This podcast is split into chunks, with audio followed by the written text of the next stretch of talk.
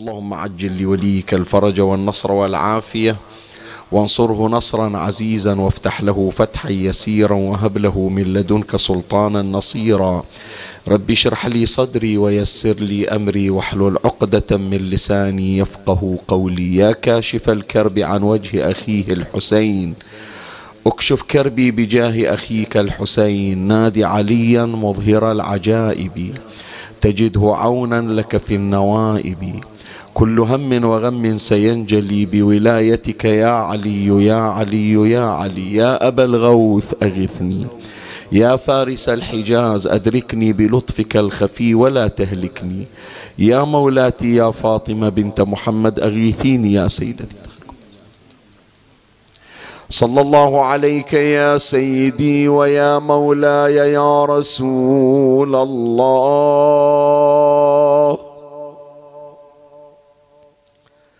صلى الله عليك وعلى آلك الطاهرين.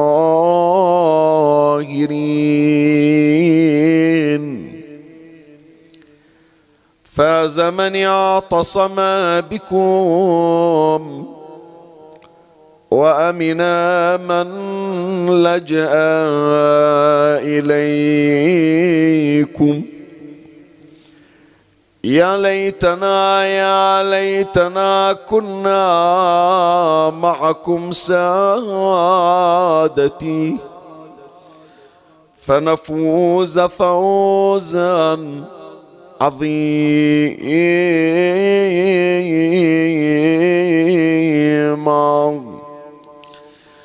قال سيدنا ومولانا أمير المؤمنين علي. صلوات الله وسلامه عليه. سلوني قبل أن تفقدوني. فوالله لا تسألوني عن شيء مضى. ولا عن شيء يكون إلا أنباتكم عن لذكر أمير المؤمنين بأعلى الأصوات الصلوات. اللهم صل على محمد وآل محمد وعجل فرجهم. اللهم صل على محمد وآل محمد وعجل فرجهم. اللهم صل على محمد وآل محمد وعجل فرجهم.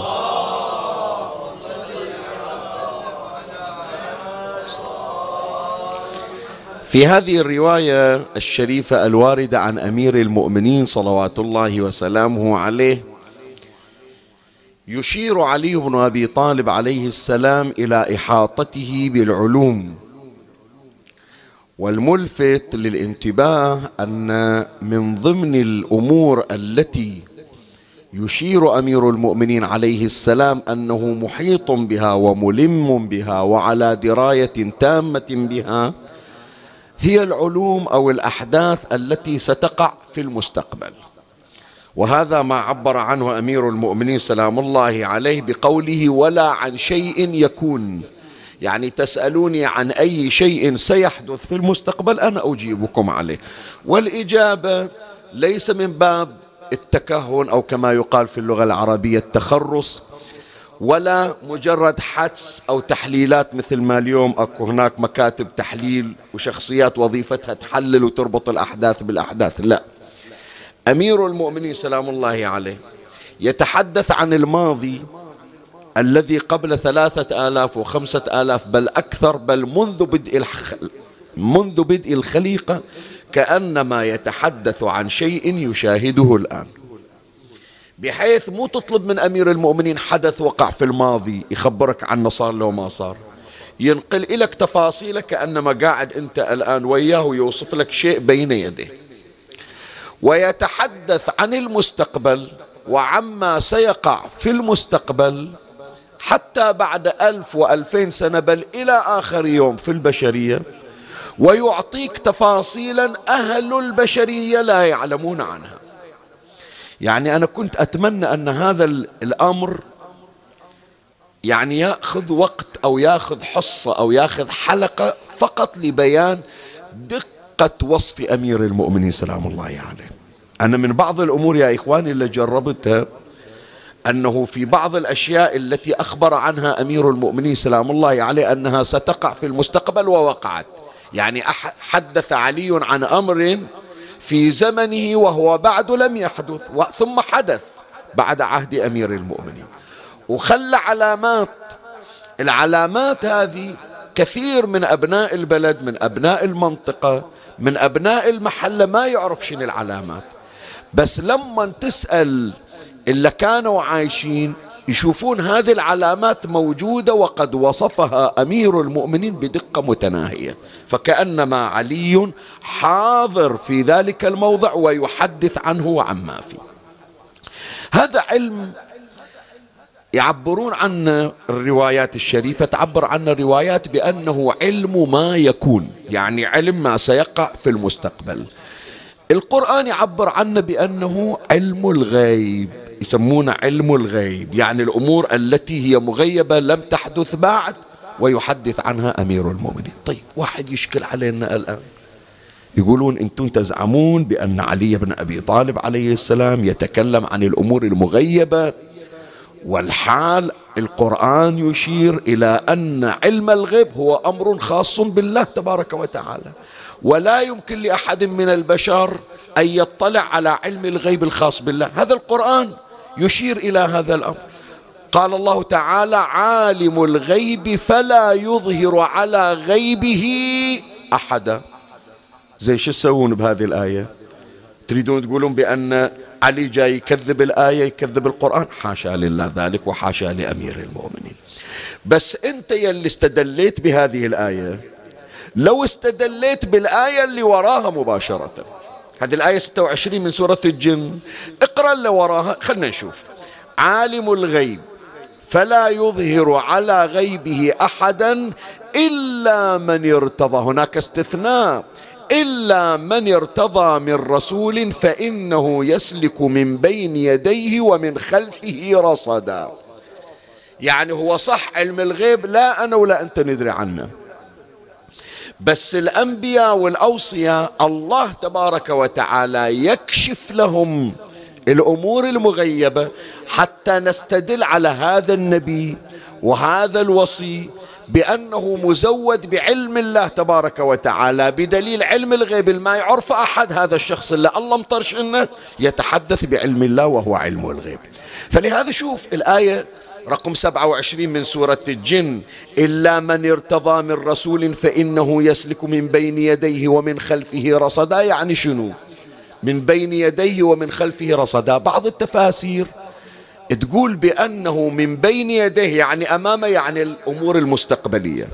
من خلفه يعني ما وقع في الماضي يتكلم به أي رسول أي نبي أي وصي أي صديق فيتحدث عن الأمور المستقبلية وعن الأمور التي وقعت في الماضي حتى تكون دلالة على صدق هذا النبي دلالة على صدق هذا الرسول هذا الوصي. ترى أنا هذا العلم مو من عندي. لو أنا حالي حالكم ما أدري عن هذه الأمور المستقبلية ولا أدري عن هذه الأمور بتفاصيلها اللي وقعت في الماضي. لكن زودني الله تبارك وتعالى. وهذه دلالة على أني احمل رسالة الله وأنا حجة الله على خلقه.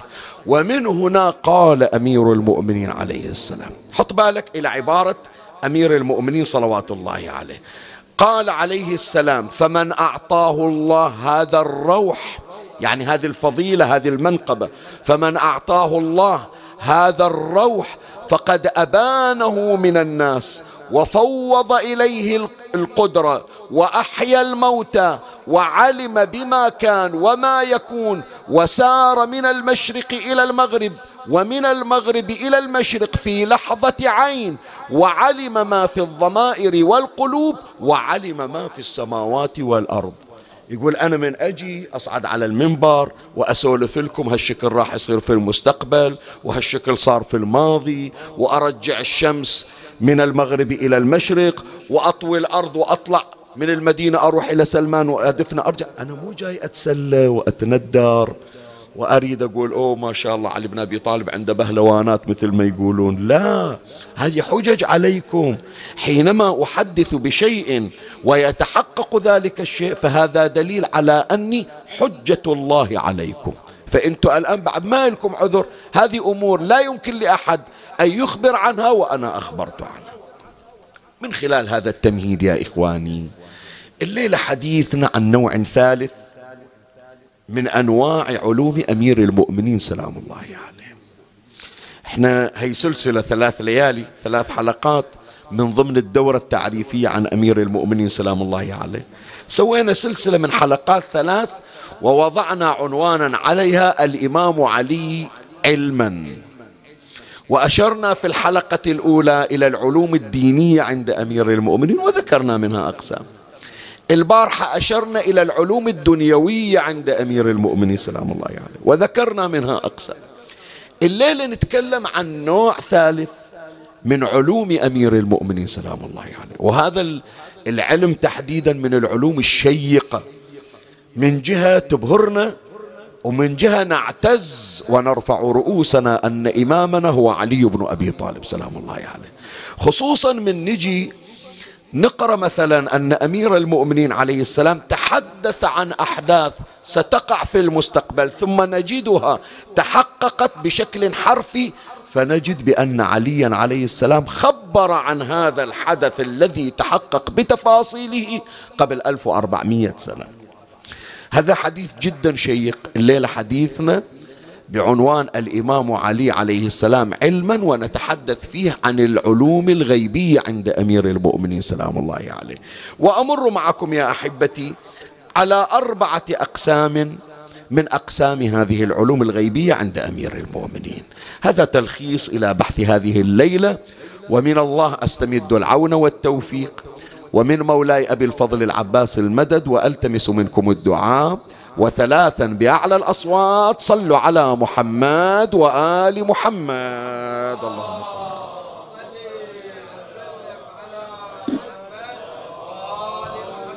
اللهم صل على محمد.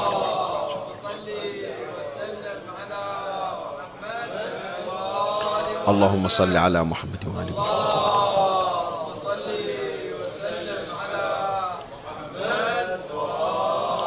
مولاي الكريم اسمعني وفرغ لي قلبك واعرني سمعك وأقبل علي بكلك. أخبرتك أننا نتحدث هذه الليلة عن العلوم الغيبية عند أمير المؤمنين. هذا العنوان العلوم الغيبية عند أمير المؤمنين من نريد نتوسع فيه. ترى يحتوي على أقسام عدة. هذا نحتاج إلى حلقات فقط. انصافا يمكن الشهر بطوله نتكلم فقط عن العلوم الغيبية. من أجي أنا أبحث في الكتب التي تناولت. سيرة أمير المؤمنين سلام الله عليه والإخبارات الغيبية لأمير أوه ما شاء الله. عدد هائل. والعدد الهائل واحد من عدها يحتاج إلى تفصيل. إحنا راح نشير إلى بعض من عدها. بس نفس هذا العلم العلم الغيبي عند أمير المؤمنين ما نقدر أنه نحوي لا بحلقة ولا ثنتين ولا ثلاث لأنه مثلا خلي أبين لك من العلوم الغيبية عند أمير المؤمنين عليه السلام. هكذا يذكر العلماء إخباره بل هو أمير المؤمنين يشير. إخباره عما في الضمائر والقلوب. يواجه الشخص بما في قلبه. يقول له أنت أردت أن تقول كذا أنت جاي عندك هالمسألة. تصور أنت بالله عليك ابن عباس عبد الله بن عباس هذا متى؟ يعني حتى أبين لك الواحد إذا بسم الله عليكم مرض وبالمستشفى وخصوصا بالعناية المركزة. مهما كانت مواهبه فمن شدة الضعف من شدة النزيف من شدة الجراحة المواهب تقل. صحيح لو لا؟ شقد ما يحفظ من أبيات شعر؟ شقد مثلا ما دارس تيجي إلى في وقت المرض؟ يقول لك الآن ما مركز تعبان من شدة المرض ما أقدر أحكي. ابن عباس يجي وباقي سويعات على أمير المؤمنين ويغادر هذه الدنيا. والوصف اللي نقله ابن عباس يقول اصفر لونه يعني دم كل نزفة. وتشرب بدنه بالسم ويغمى عليه ساعة ويفيق أخرى. فأنا يقول جاي عندي مسائل والمسائل أنا عادة أطرحها على أمير المؤمنين عليه السلام. ومن شفته كسر قلبي. قلت أنا أثقل عليه مو لائق لا أدبا ولا قلبي طاوعني. فيقول أطرقت.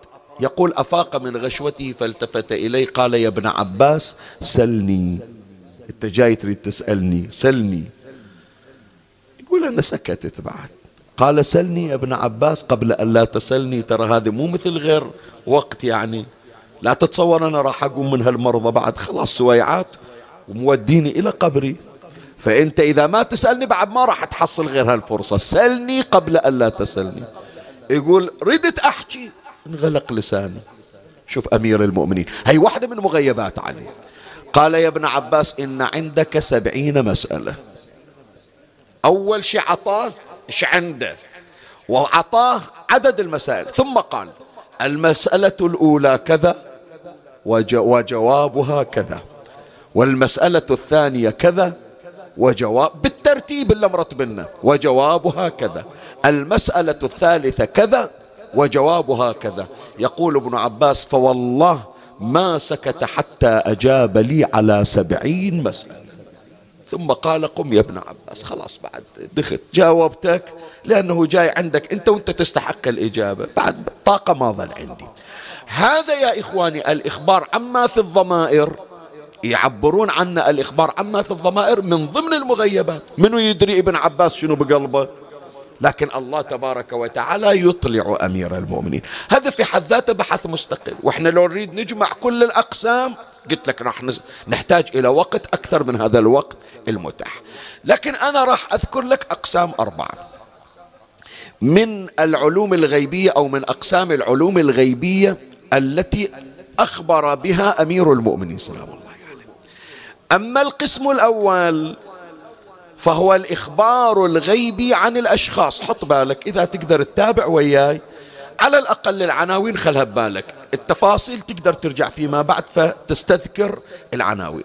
القسم الأول الإخبار الغيبي عن الأشخاص. يعني واحدة من معاجز أمير المؤمنين سلام الله عليه يخبر عن هذا الشخص ماذا سيجري له في المستقبل. شلون؟ شي يخبر. مثلا يخبر عن عاقبة الشخص. الآن أنا ما أقدر أقول هذا فلان نهايته شنو. داعيكم اللي يحكي وياكم ما أدري يصدر من عندي ذنب يحرمني هذا التوفيق توفيق خدمة الإمام الحسين عليه السلام. هذا الشخص اللي أنا قد أشوفه عاصي مذنب وأقول هذا ما وراه فود ما وراه فايدة ما وراه رجاء. ما تدري. في نهاية المطاف يمكن تجيه لحظة من لحظات التوبة. يستغفر الله تبارك وتعالى. يصير من أهل الجنة وإحنا حاكمين عليه بأنه من أهل النار. فالعاقبة يا إخواني هذا شيء مو معلوم. نعم أنا الآن التصرفات الموجودة يمكن أقول إذا واظب على هذا العمل هذا عاقبته عاقبة سوء المستجر بالله. إذا واظب على هذا العمل الخير نهاية الجنة إيش تصور تكهن ليس إلا. أمير المؤمنين سلام الله عليه. يعني يحدث عن عاقبة الشخص كما كتب الله للشخص. فلهذا أشخاص مثلا الناس يشوفونهم خوش أوادم. أمير المؤمنين يخبر إلى أن عاقبته عاقبة سوء. قاتل الزبير ابن عب ابن ابن العوام. إحنا ذكرنا قصة الزبير مو تمام؟ وابن عبد الله بن الزبير. قاتل الزبير هذا كان ويا أمير المؤمنين في في المعسكر. وهو اللي جاء إلى أمير المؤمنين سلام الله عليه وشايل سيف الزبير وينضح دمه قال له قتلته وهو ساجد لربه. الإمام يقول بشر قاتل صفية أنه في النار. عاقبة عاقبة سوء. شلون ويانا بالمعسكر؟ بعدين انقلب كما قال أمير المؤمنين سلام الله عليه.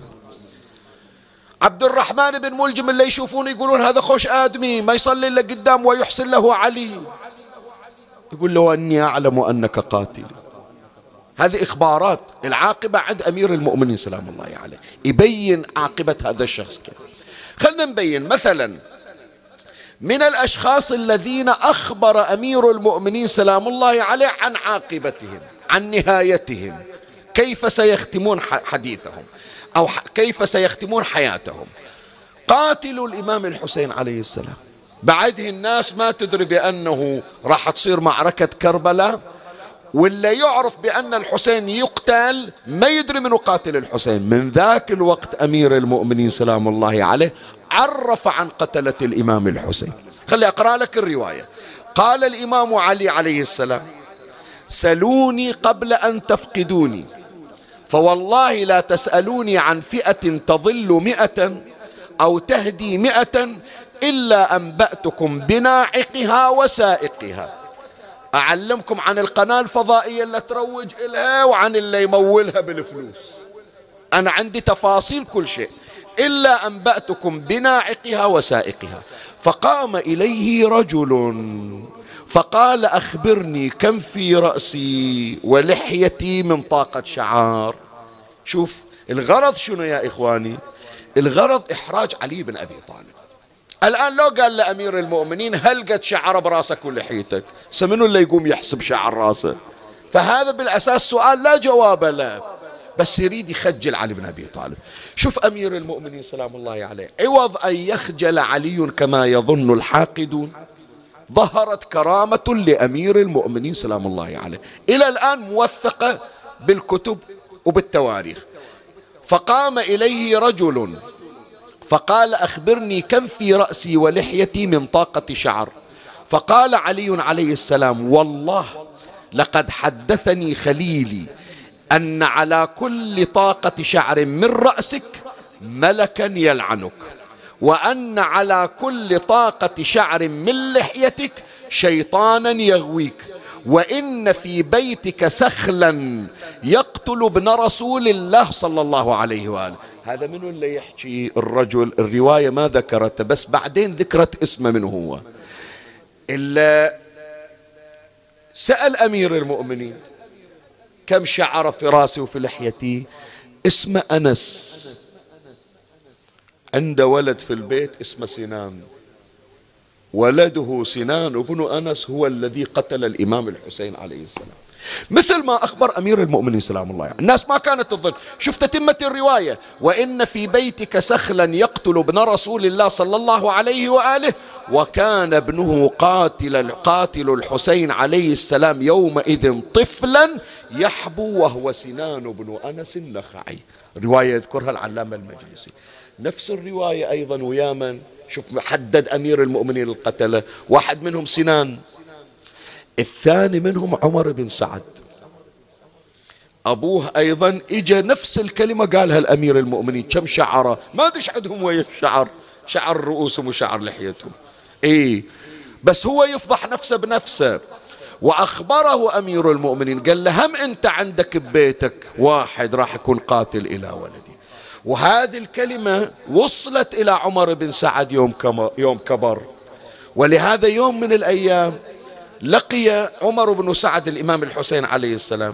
قال أكو بعض المغفلين بعض السفهاء يقولون بأني أنا أقتلك. قال له هذول مو سفهاء هذول حلماء أهل العقول هذول ربائب منبر أبويا علي بن أبي طالب. أبويا علي اللي خبرهم بأنك تقتلني. أنا أقتلك؟ قال راح تقتلني وراح تشوف. وبالفعل شوف اليوم زيارة عاشوراء أول ما تلعن من قتلة الحسين منو؟ قبل الشمر منو؟ مع العلم المباشر للذبح منو هو؟ شمر.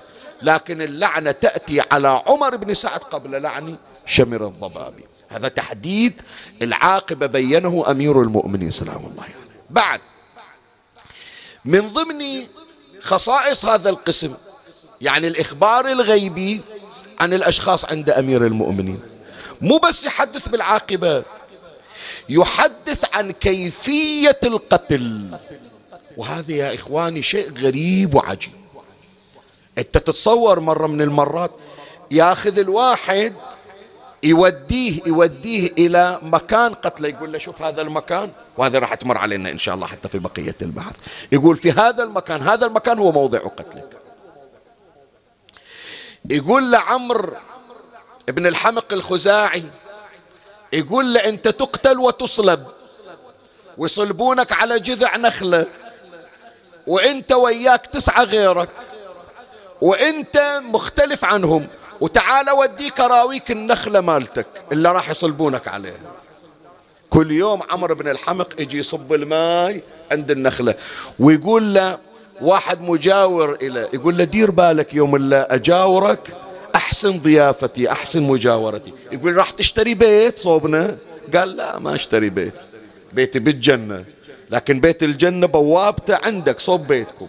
يقول يوم اللي صلبوه عند النخلة وأنا كل يوم أجي أشوفه يوقف يسقي هاي النخلة افتهمت كلامه. هذا من إشارات أمير المؤمنين سلام الله عليه. يعني.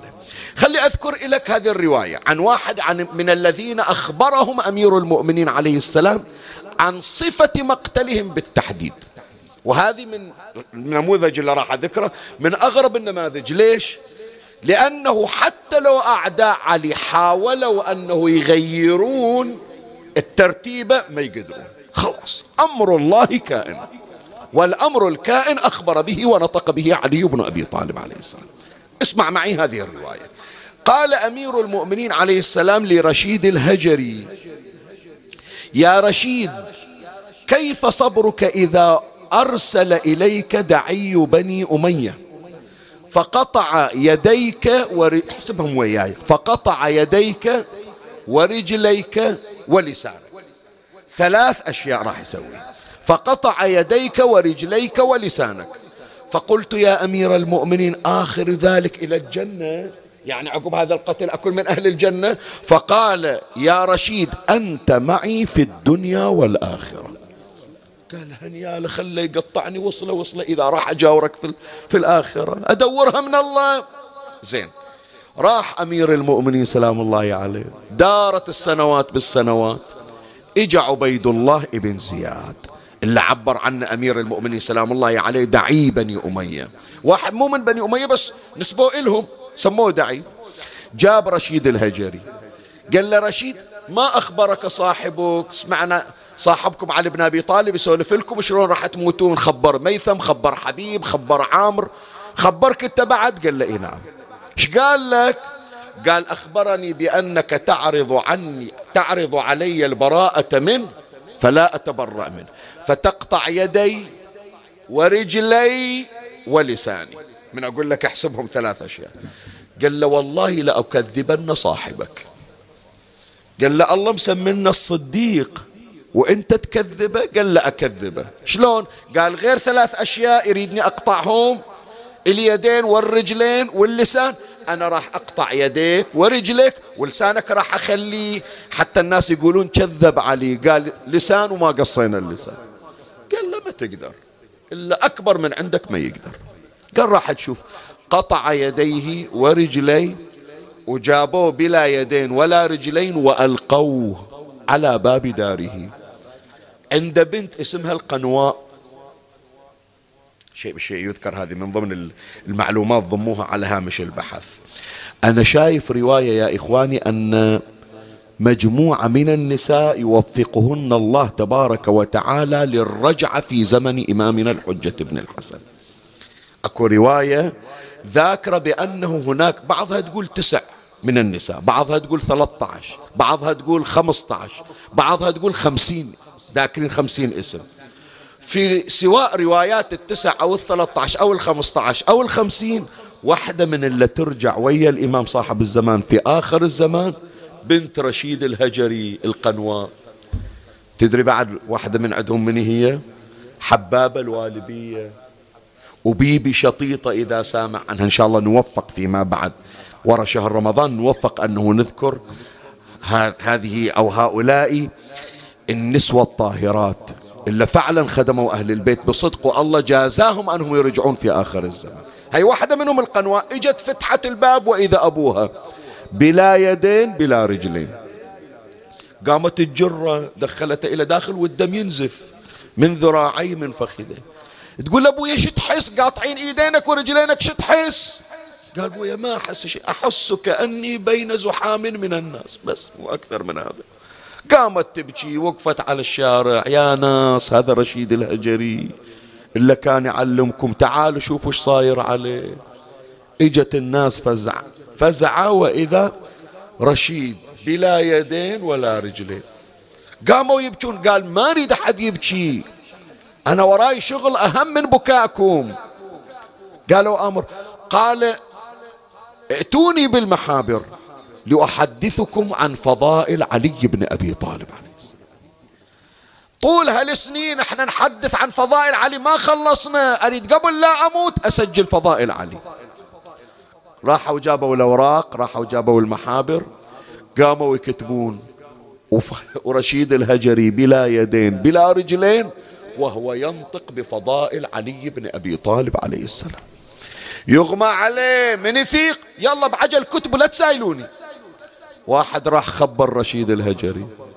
العفو خبر عبيد الله ابن زياد. وشوف العجبة يا جماعة شوف ال... ال... من يقولون بالأمثال أغدر من كوفي. هذا اللي خبر إيش درى هم قاعد يبكي على رشيد وهم رايح يبلغ ابن زياد حتى يحصل فلوس. سوق قلوبهم معك وسيوفهم عليك. يقعد عند رشيد الهجري يبكي عليه. يقول له قاطعين إيدينك ورجلينك يبكي. ويطلع يروح يخبر ابن زياد حتى يحصل فلوس من وراه قال له روح لحق ترى رشيد الهجري قاعد يسجل فضائل ومعاجز وكرامات وراح تطلع كتب كلها في فضائل علي. فقال عبيد الله ابن زياد أرسلوا إليه حجاما ليقطع لسانه. تماما مثل ما قال علي بن أبي طالب. فقطعت يداه ورجله وقطع لسانه وفارق الحياة رحمة الله. عليه فإذا القسم الأول يا إخواني من العلوم الغيبية عند أمير المؤمنين الإخبارات الغيبية عن الأشخاص يخبر الشخص بعاقبته إلى خير أو إلى شر يخبر الشخص بتفاصيل موته مثل ما ذكرنا في بعض التفاصيل. زين هذا القسم الأول. خلنا نيجي إلى القسم الثاني. أخبر عن الأشخاص وأخبر إخبارات مغيبة عن الأمكنة. حتى المكان يسولف عنه أمير المؤمنين. يجي يوقف على مكان من الأمكنة يخبرهم وراء ألف سنة إيش راح يصير بهذا المكان. والآن راح أقرأ لك بعض الأشياء تتفاجأ من تسمع. وهو ليس بغريب على علي بن أبي طالب لكن عقولنا تبقى بالأخير. مثلا خبر عن خراب أمكنة ومن الأمكنة التي خبر عنها بأنها ستخراب البصرة في العراق. أمير المؤمنين سلام الله عليه يوم من الأيام إجا إلى البصرة وسولف إيش راح يمر على البصرة. وصارت أشياء تماما مثل ما قالها علي بن أبي طالب يعني مثل ما يقولون خط المسطرة. شلون؟ خلي أقول لك. أخبر عن غرق البصرة. اسمع الكلمة التي قالها علي عليه السلام. قال أمير المؤمنين يذكرها العلامة المجلسي في بحار الأنوار. قال وأيم الله كان بالبصرة وأشر على أهل البصرة. وأيم الله لتغرقن بلدتكم حتى كأني أنظر إلى مسجدها كجؤجؤ السفينة أو نعامة جاثمة. شوية خلينا نوقف عند العبارة جؤجؤ السفينة يعني شنو؟ يعني صدر السفينة. شايف السفينة؟ قلبها صاير في الماء داخل. السدر مثل ما يقولون سطح السفينة صاير فوق.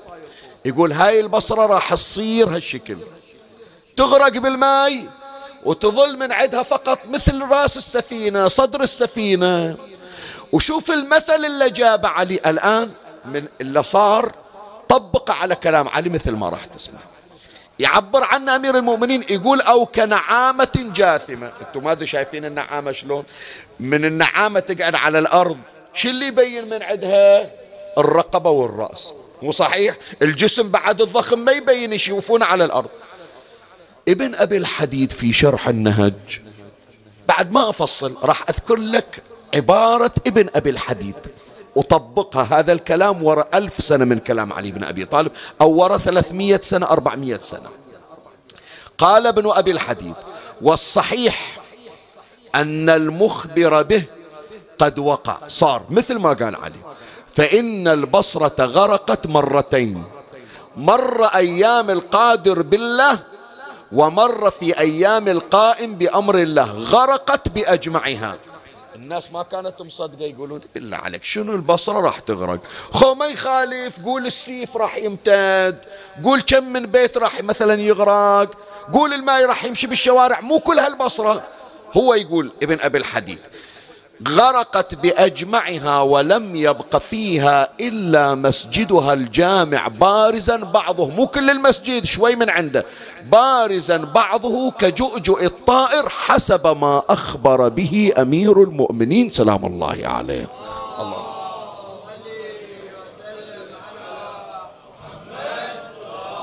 يعني أهل البصرة خافوا من الغرق طلعوا بذاك الزمن وشافوا من بعيد بيوت ما تبين.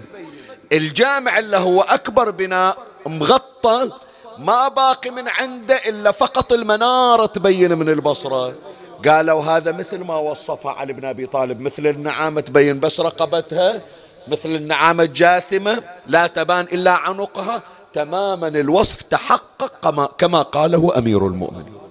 زين هذا قديم هذا حكي قديم. خلي أذكر لك حديث جديد يمكن أولادي اللي قاعدين ما لحقوا عليه. إحنا أدركنا وشفنا تذكرون أنه من صار غزو الكويت وراها صارت حرب التحرير وصارت هناك حرب تسمى بشنو؟ تذكرونها يسمونها عاصفة الصحراء. صحيح لو لا تتذكرون؟ أمير المؤمنين ذكر عن هذه الحرب كما قال علي عليه السلام وقع. شوف كلمة أمير المؤمنين. قال ويحك يا بصرة ويلك من جيش لا غبار له. الناس قالوا شلون جيش وما إلى غبار؟ الجيش بيه خيول والخيول من الجي لازم يثير غبار. شلون الغبار شلون الجيش يعبر؟ غبار ما إله. ألف سنة على كلام علي. 1400 سنة على كلام علي. إجت سرب الطائرات من كل مكان على البصرة. وأول ما قصفت وألقوا اليورانيوم وحتى أشار بأن البصرة تغرق وتحرق. ففعلا بجيش لا غبار له مثل ما قال عن عاصفة الصحراء علي بن أبي طالب تحققت وصدق أمير المؤمنين علي بن أبي طالب سلام الله عليه. يعني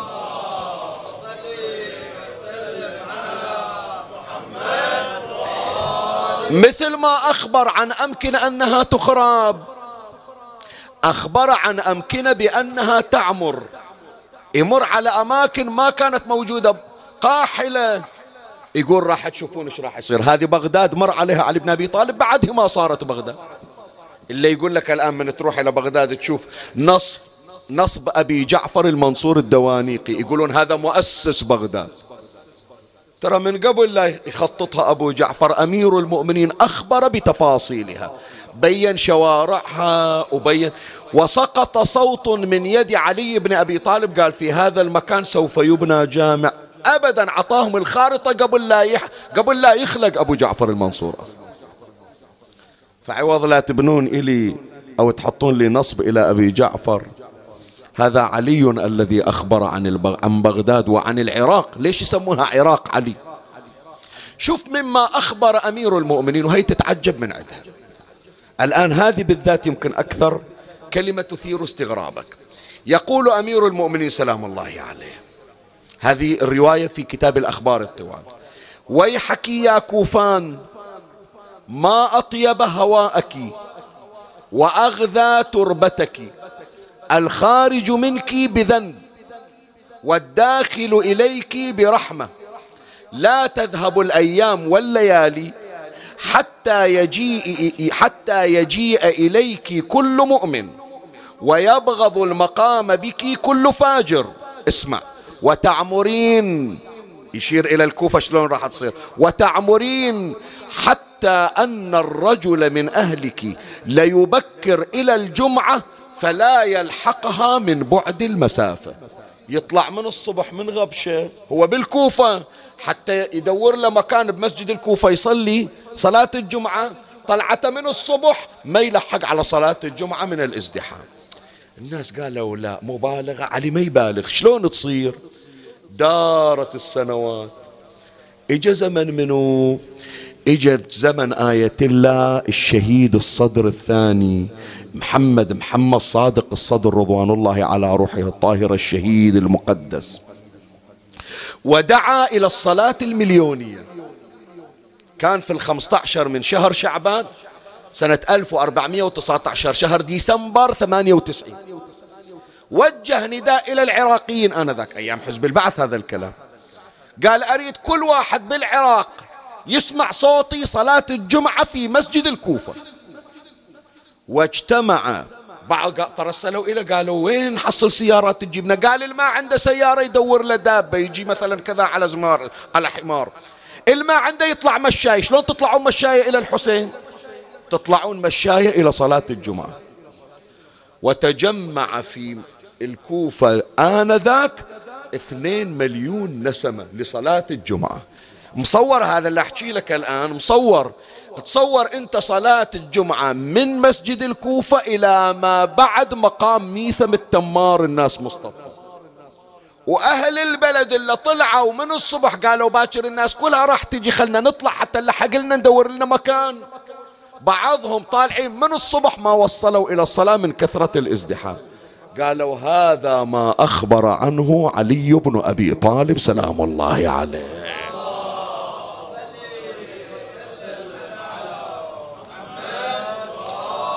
شوف من أقول لك أنا بأن أمير المؤمنين سلام الله عليه مو بس يعطيك عنوان عام يعطيك تفاصيل التفاصيل. يخبر عن أماكن أنها ستخرب وبالفعل. يخبر عن أماكن بأنها ستعمر وبالفعل. زين أخبرنا عن الإخبارات الغيبية للأشخاص. أخبرنا عن الإخبارات الغيبية للأمكنة. خلنا نجي للقسم الثالث. أخبر أمير المؤمنين عن الدول الشخص اللي ما يظنون عليه بأنه راح يصير عنده دولة يخبر أمير المؤمنين بأنه سيملك وسيحكم ويعطي تفاصيل حكومته. واحد من اللي أخبر عنهم أمير المؤمنين منه مروان بن الحكم. إيه. وهذا أنت يقول لك بأنه باكر راح يحكم ما تصدق. طريد رسول الله طريد رسول الله صلى الله عليه وآله. يسمونه طريد ما عنده مكان طاردنا النبي وطارد أبوه. ورايحين إلى الطائف مكان ما عندهم. هذا شلون يصير حاكم؟ خلي أقرأ لك الرواية. أخذ مروان بن الحكم أسيرا يوم الجمل فاستشفع بالحسن والحسين إلى أمير المؤمنين. جايبين أسير ويدري أن شاف علي راح يقتله. لأن امرأ سوء. شاف الحسن والحسين قال دخيلك أبو محمد دخيلك أبو علي. ترى راح يقتلني أبوكم. ما يخالف أنا طالب شفاعتكم. فاستشفع بالحسن والحسين إلى أمير المؤمنين عليه السلام. فكلمه شوف حنان أهل البيت شلون. قالوا له يا منو اللي يتكلم يا جماعة؟ سؤال أسأل. منو اللي يتكلم؟ رد علي. الحسن إيش سوى مروان بالحسن؟ سبعين سهم في جنازته. منو اللي يتكلم؟ الحسين. إلا مروان شايل القضيب ويفرق بين شفتيه يا حبذا بردك باليدين ولونك الأحمر شوف يا أخي والله تتحير العقل. شنو من رحمة عند أهل البيت؟ شنو من حنان عند أهل البيت؟ يا إخواني هذه الأخلاق عند أهل البيت إعجازية. مثل ما تسولف عن قلع باب خيبر ورد الشمس تواضع علي حلم علي صفح علي هذه معجزة. منو يقدر يسويها يا جماعة؟ زين. قال فاستشفع بالحسن والحسين إلى أمير المؤمنين عليه السلام فكلماه فيه فخلى سبيله. هو الآن سامح علي وقال له روح. يريد يبين حسن النوايا. فقال له يبايعك يا أمير المؤمنين. يصير واحد من جماعتك. يبايعك يا أمير المؤمنين. فقال عليه السلام أولم يبايعني بعد قتل عثمان؟ زين هو مود أول مرة يبايع. هم من بايعني من قبل ومطلع علي حرب. يوقف في المعسكر بين الصفين وياخذ السهم ويرمي هالمعسكر ويرد يرمي المعسكر اللي هو فيه. يقولوا له تعال انت ويا من؟ ويا ذولا لو ويا ذولا. قال أينما أصابت فهي فات أنا يهمني الاثنين يروحون. ما يظل من الإسلام أحد. شوف الخبث إلى أي درجة. فيقولون له يبايعك يا أمير المؤمنين. فقال عليه السلام ألو أولم يبايعني بعد قتل عثمان؟ لا حاجة لي في بيعته. إنها كف يهودية. لو بايعني بيده لغدر. وقال أمير المؤمنين كلمة أخرى لغدر بسبته بعضهم يقول بسبابته. يعني يحط إيده شوف شلون توصيف علي. يحط إيده بيعة لكن يشيل السبابة. يقول هذه غادرة وهذه وفية. بهذه الصبعة يريد يغدر ويخون. هذا مروان بن الحكم. الآن نجي إلى الإخبار الغيبي. شوف أمير المؤمنين إيش عطى من تفصيل. قال أما إن له إمر كلعقة الكلب. حش السامع والمكان هذا الكلب عادة يلحس أنفه يلعق أنفه. ومن يطلع لسانه يلعق الأنف ما يطول بعد هي اللعقة يطلع اللسان بسرعة. فيجيبون هذا المثل لعقة الكلب أنفع على السرعة يعني والقلة الوقت. أما إن له إمرك لعقة الكلب أنفه وهو أبو الأكبش وهو أبو الأكبش الأربعة. وستلقى الأمة منه ومن ولده يوما أحمار هذا هو مروان شوف تطبيق كلام علي. أولا قال إمرته كلعقة الكلب أنفه حصلها الخلافة مثل ما قال علي. قالوا هذا يحكم هذا طريق قال يحكم بس ما يطول. وتاليها يحكم تسعة أشهر حتى السنة ما كملها مثل ما قال علي بن أبي طالب والأكبش الأربعة أولاده وأولاد أولاده عبد الملك ابن مروان وسليمان ويزيد وهشام سليمان ويزيد وهشام والمل والوليد. هذول أولاد عبد الملك ابن مروان أحفاده. وشافت الدنيا منهم يا إخواني يوم أحمر. صدق. واحدة من الأشياء اللي صارت في زمن أولاده أحرقوا الكعبة وضربوها بالمنجنيق وواحدة من سوايا مروان جاب الحجاج بن يوسف الثقفي اللي عنده في سجن واحد مية وعشرين ألف نسمة واللي يقول إني أرى رؤوسا قد أينعت وحان قطافها. هذا الذي أخبر عنه علي بن أبي طالب. أخبر عن قيام الدول. هذا القسم الثالث. القسم الرابع وهو ختام المجلس. يتكلم أمير المؤمنين عن الملاحم والفتن. يذكر أحداث ستقع مفصلية في حياة التاريخ. شوف كل اللي سمعته بصوت من أول المجلس إلى الآن ساعة إلا ربع تقريبا إحنا نقرأ. كل هذا خلى على كتر. الا راح تسمعه الآن من أغرب ما ستسمع. يوم من الأيام صعد أمير المؤمنين عليه السلام على المنبر. وقال وهو يشير إلى السارية عادة أمير المؤمنين. لو يصعد على المنبر أو أنه عند اسطوانة يوقف يسن الظهر ويحكي إلى كلمتين وينزل. فيأشر إلى السارية التي يستند إليها. قال أمير المؤمنين عليه السلام وهو يشير إلى السارية التي يستند إليها في مسجد الكوفة كأني بالحجر الأسود منصوبا ها هنا. الحجر الأسود اللي الناس تستلمه بالكعبة. يقول إيه راح يصير عندكم هنا بالمسجد في الكوفة يجي العراق ويجيبونه في العراق وين؟ بالكوفة. وبالكوفة وين؟ في المسجد. وين راح يحطونه؟ عند السلطانة اللي أوقف أنا وأخطب بيها. شوف التفاصيل. كأني بالحجر الأسود منصوبا ها هنا ويحهم إن فضيلته ليست في نفسه. بل في موضعه وأسه. أسرار الحجر لو تشيله من الكعبة ما تطلع الأسرار. حتى تحصل فائدة الحجر الأسود لابد يكون في الكعبة في مكانه. هذا أمير المؤمنين يقول ويحهم إن فضيلته ليست في نفسه بل في موضعه وأسه. يمكث ها هنا. شوف التفاصيل اللي جابها علي. يمكث ها هنا برهة ثم ها هنا برهة وأشار بيده إلى البحرين. هذا علي. ثم يعود إلى مأواه وأم مثواه. إلا قلوبهم تشتغل بالحقد والكراهية. قالوا لا ظهر علي كبر شي يطلع الحجر الأسود من الكعبة وشي يجيب العراق. وين؟ عندنا بالمسجد. هذا حلم. مستحيل يصير. مرت على كلمة علي بن أبي طالب تقريبا 280 سنة أو 270 سنة. إجوا جماعة يسمونهم القرامطة. سامعين عنهم القرامطة؟ إجوا ذول القرامطة هذول يا جماعة ملاحدة. مع الأسف يقولون ذول الشيعة. ولا لهم علاقة بالتشيع أصلا. أمير المؤمنين حكى عنهم يقول كذبوا على الناس قالوا يحبوننا وهم ألد أعدائنا وإجا أبو طاهر القرمطي وطب الكعبة والناس حجيج وعليهم الإحرامات يطوفون. وذبح ثلاثين ألف نسمة. يقطع الرؤوس ويشيل الجنازة ويذبها في بير زمزم. أنتوا شباب ما لحقتوا على بير زمزم في في الحرم؟ اجيتوا الآن مسكر كان سابقا لا.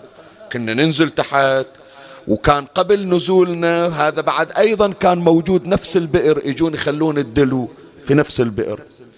فالبئر موجود يقطعون رأس الحاج ويشيلونه هو بحرامة ويذبونه في البير.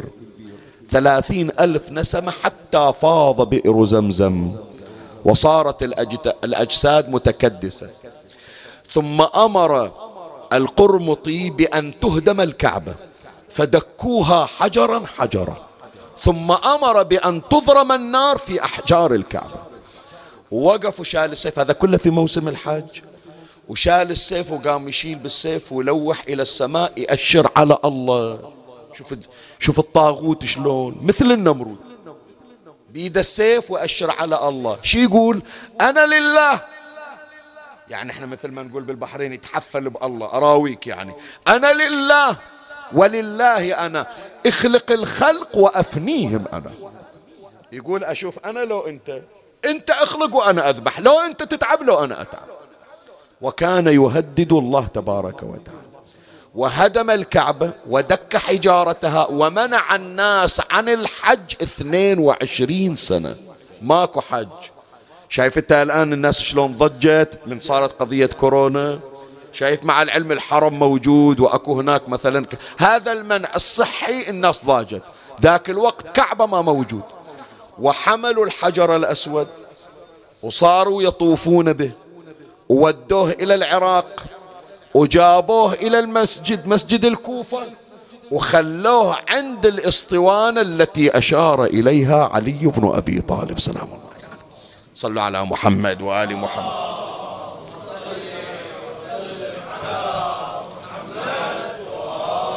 تماما مثل ما قال أمير المؤمنين. بعد هذا ردوا شالوا الحجر رجعوا وين ودوا ودوا إلى البحرين. مو عندنا هنا بجزيرة أوال ودوا إلى الأحساء. في منطقة الأحساء. وخلوه هناك مدة من الزمن إلى أن جزاه الله خير الجزاء الشريف الرضي. دفع مالا إلى القرامطة قال لهم أنتم عمي شوف شو استفدتوا؟ 22 سنة مانعين الناس الحج. شو استفدتوا؟ ما تردون فلوس نعطيكم بس رجعوا الكعبة وخلوا الناس تحج. قالوا ما يخالف. دفع مبلغا طائلا قالوا ألف ألف دينار ذهب. جمعها من كل مكان. قال بس بيت الله ينبني. مع العلم الدولة العباسية موجودة ولا سوت شيء. كل بركات شيعة أهل البيت والشريف الرضي. وبنيت الكعبة. وجيء بالحجر الأسود من الأحساء. وقاموا بتركيبه في شهر ذي القعدة. والذي وضعه في مكانه إمامنا صاحب العصر والزمان.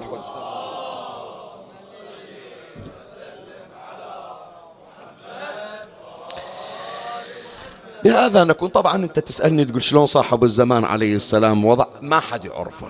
تماما انكشفوا له من غير أن يعرفه أحد ورفع الحجر ووضعه. يعرفون الخواص. شيخ جعفر ابن قولوي رسل واحد قال إذا واحد حط الحجر الحجر ما واحد يخليه في الكعبة ويثبت إلا المعصوم.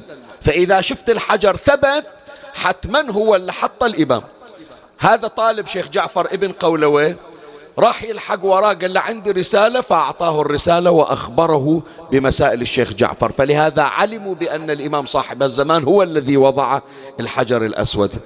هذا شيء من علوم أمير المؤمنين الغيبية والحديث طويل يا إخواني لو نريد نتكلم أمور غريبة وعجيبة. حدث عنها باب مدينة علم رسول الله.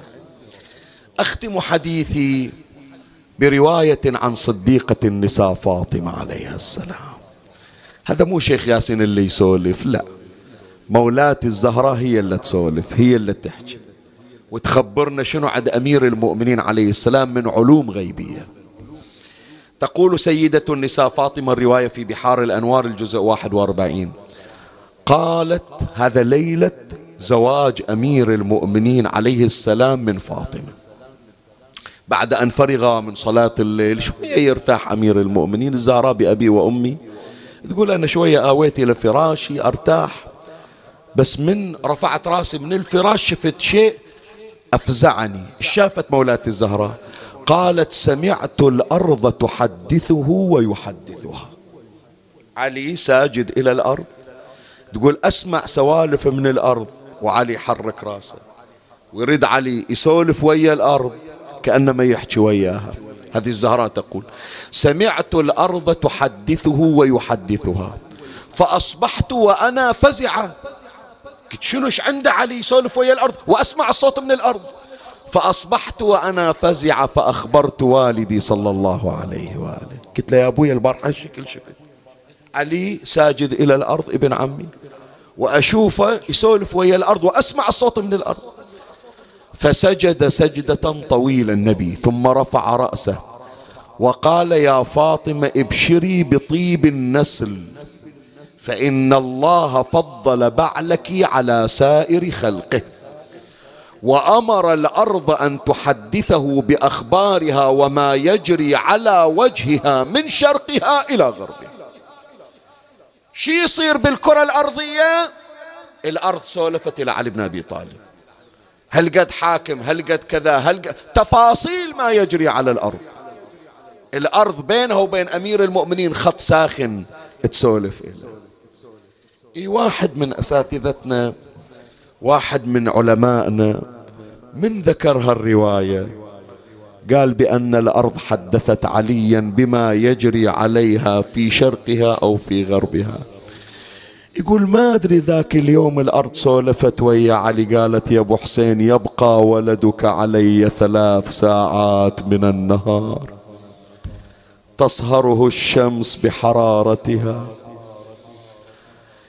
يوم اللي حدثت الأرض علي بن أبي طالب سولفت له شي يصير بالحسين من يطيح من على ظهر الجوال. الليلة جمعة يا إخواني الليلة جمعة. عندك أوراد الليلة بشهر رمضان. تقرأ دعاء الافتتاح تقرأ دعاء البهاء تقرأ دعاء السحار تقرأ لك جزء قرآن تصلي لك صلاة الليل. تزور الحسين الليلة دعاكم يكون تقرأ. الليلة لا تفوتك هذا العمل. دمعة على الحسين. قل له أبو علي ما ناسنك. خلي أوديك خلي أنقلك. خلي أحرك قلبك شوية شوية. الليلة علوية حسينية. يا حجة الباري وقدرته يا حاوي أسرار الله وخزنته شتف النبي برجليك دست يا علي. جبريل علمته ونفعته الخضر غفخ الخضر غالبته وغلبته شيبة وعتبتهم قتلته وبصارمك مرحب شطرته.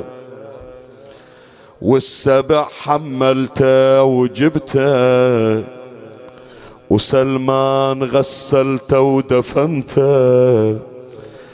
علي يا علي بس يوم عاشر ما حضرت. سلمان يا سلمان سلمان غسلته ودفلته بس يوم عاشر ما ما حضرته علي يا علي حسين انذباح حسين حسين انذبح ما جيت شفته. علي يا علي الخيل لعبت فوق جث الله اتحرك المجلس ها؟ إي ما يخالف خلنا كلنا أصحاب حوايج ونودي حوايجنا إلى حلال المشاكل. تقرا وياي أريد أسمع الونة من عندك. شهر عن سلمان وتعنيت حسين يا أمك ليش ما حضرت. انت حلال المشاكل من تضيج. انت ما يبعد عن حصانك طريق. علي! انت آمر النار بيدك والحريج ونار قلب حسين ما طفيت. علي يا علي! انت سيف الله ورحمته ونقمته انت جبرائيل كاشف شدته انت حتى دم حضرت بتوبته وليش صاح حسين ما حضرت؟ يا علي يا علي. انت والله الحيرت عشر العقول. يا مدير الفلك يا زوج البتول. علي أنت كم شدك شفيت عن الرسول. ليش طاح حسين ما شالت؟ وقفت زينب على راس أخوها. كنا تقول له يا أخويا الآن حلال المشاكل عليجي. الآن أتوجه للنجف وأصيح يا أبا الغوث يا علي تعال احضر إلى ابنك. صاحت وردة. وردة. يمكن الكلمة من تسمعها تعور قلبك. وردة يا شيعة حسين صاب السهم. الله قايل لك يا شيعة حسين صاب السهم. وردة وردة انذبح ما ضاق من الماي. وردة يا تاج انسلب يا كرار. وردة وردة ولعبت فوق صدر الاعوجي إيه لعبت فوق صدر الآية.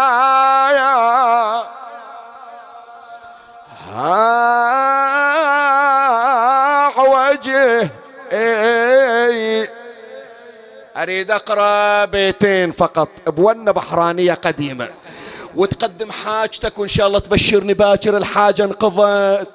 مثل ما زينب ودت مشكلتها إلى حلال المشاكل خلنا نودي مشاكلنا. ويا مشكلة زينب؟ إيه عجل يا داح الباب يا منجي السفينة. يا مغسل الهادي النبي غسل ولي شباب وين أصواتكم؟ يا مغسل الهادي النبي خير البري. الله من أرض النجف عجل تعال الغار. علي علي غسل أجساد رضضتها الأعوج.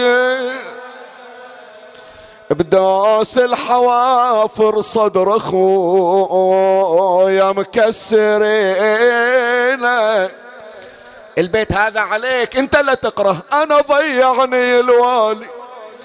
إيه وخلاني غريب. عيدة عيدة. ضيعني الوالي.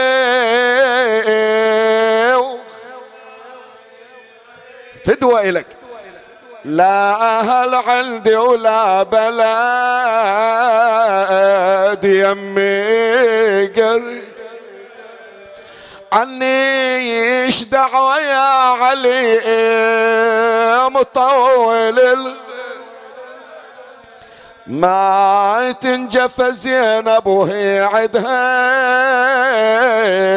نساوي بصوت واحد بقيت محيرة وصف قبلي. تحفظ له لا عباس ظل عند صار على زينب يضربوني من أبي لا والد لي ولا عم ألوذ به ولا أخ لي بقي أرجوه ذو رحمي يا الله. اللهم صل على محمد وآل محمد. أعوذ بجلال وجهك الكريم أن ينقضي عني شهر رمضان أو يطلع علي الفجر من ليلتي هذه. ولك قبلي تبعة أو ذنب تعذبني عليه اللهم صل على محمد وآل محمد وسلمنا لشهر رمضان وسلمه لنا وتسلمه منا فلا ينقضي عنا إلا وقد غفرت لنا فإليك يا ربي نصبت وجهي وإليك يا ربي مددت يدي فبعزتك استجب لي دعائي وبلغني مناي ولا تقطع من فضلك رجائي واكفني شر الجن والإنس من عداي يا سريع الرضا اغفر لمن لا يملك إلا الدعاء. فإنك فعال لما تشاء. يا من اسمه دواء وذكره شفاء وطاعته غنى. ارحم من رأس ماله الرجاء وسلاحه البكاء. يا سابغ نعم يا دافع النقام يا نور المستوحشين في الظلام يا عالما لا يعلم. صل على محمد وآل محمد وافعل بنا ما أنت أهله وصلى الله على رسوله والأئمة الميامين من آله وسلم تسليما كثيرا. اللهم عجل فرج إمامنا صاحب العصر والزمان. شرفنا برؤيته وارزقنا شرف خدمته. ترحم على أموات وأموات البادلين والسامعين والمؤمنين. سيما من لا يذكره ذاكر ولا يترحم عليه مترحم. أوصل لهم جميعا ثواب هذا المجلس الشريف. وبلغهم ثواب الفاتحة مع الصلوات.